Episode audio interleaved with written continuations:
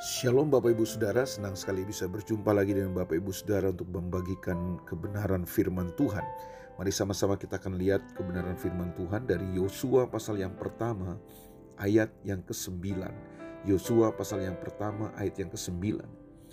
Bukankah telah kuperintahkan kepadamu, kuatkan dan teguhkanlah hatimu, janganlah kecut dan tawar hati, sebab Tuhan Alamu menyertai engkau ke mana pun engkau pergi.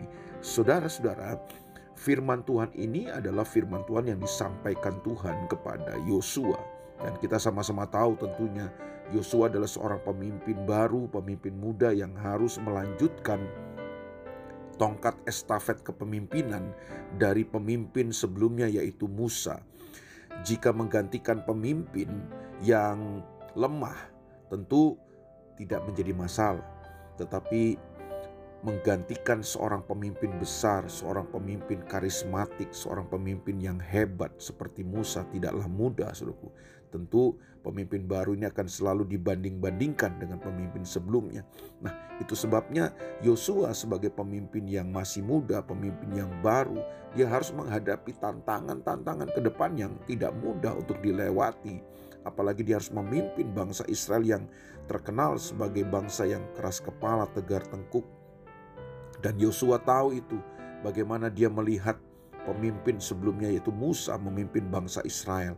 Nah, Saudara, tentu Yosua ada di satu titik di mana dia mengalami galau, dia mengalami mungkin tawar hati, dia mungkin mengalami uh, sesuatu yang membuat dia bisa down. Tapi di situlah Tuhan datang kepada Yosua dan mengingatkan Yosua bahwa sama seperti Tuhan menyertai Musa, demikian juga Tuhan akan menyertai Yosua. Jadi ada janji penyertaan Tuhan.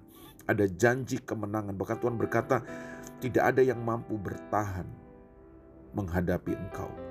Tetapi ternyata saudaraku, saya belajar di sini bahwa janji penyertaan Tuhan atau janji kemenangan yang Tuhan siapkan dan sediakan buat Yosua tidaklah secara otomatis menghindarkan Yosua dari tantangan-tantangan, dari peperangan-peperangan, dari keadaan-keadaan yang sulit. Nah, ini yang sering kali kita salah pahami. Kita berpikir bahwa kalau kita disertai Tuhan, kalau Tuhan uh, sudah berjanji kepada kita, maka jalan kita akan menjadi jalan yang lancar, jalan yang mulus, jalan yang tidak ada hambatan. Ternyata penyertaan Tuhan dalam hidup kita, janji kemenangan Tuhan buat hidup kita, itu tidak secara otomatis menghilangkan kesulitan, tantangan, pergumulan, peperangan dalam kehidupan kita. Tapi kuncinya adalah Tuhan janjikan penyertaannya buat kita. Tuhan ada buat kita. Tuhan tidak pernah tinggalkan kita. Tuhan janjikan kemenangan buat kita. Nah, persoalan paling pentingnya adalah apakah kita mau menguatkan hati kita. Di sinilah persoalannya. Siapa yang harus menguatkan hati? Ternyata bukan Tuhan. Tuhan memerintahkan Yosua supaya Yosua menguatkan hatinya, meneguhkan hatinya.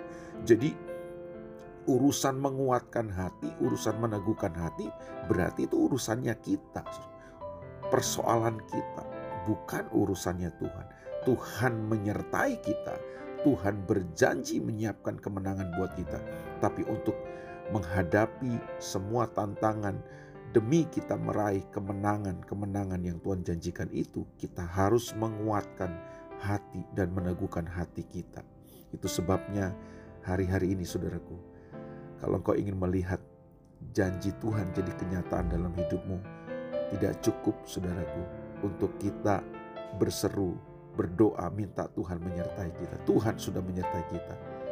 Tinggal kita menguatkan dan meneguhkan hati kita supaya kita terus tetap bisa melangkah di dalam jalan-jalan Tuhan. Tetap, tetap bisa melangkah di dalam kehendak Tuhan. Itu perlu hati yang kuat dan teguh. Hari ini kuatkan dan teguhkanlah hatimu. Beri motivasi, bangun diri saudara bangun iman saudara, bangun kehidupan saudara, supaya saudara menjadi orang-orang yang teguh dan kuat menghadapi apa pun. Selamat menghadapi semua situasi saudara dan meraih kemenangan bersama dengan Tuhan. God bless you. Mari kita berdoa. Tuhan, terima kasih buat janji penyertaan-Mu. Hari ini tolong kami Tuhan, supaya kami bisa menguatkan dan meneguhkan hati kami, sehingga dengan hati yang kuat dan teguh, kami tetap melangkah di jalannya Tuhan, dan kami melihat kemenangan demi kemenangan. Berkati umatmu hari ini, dalam nama Yesus kami berdoa. Amin.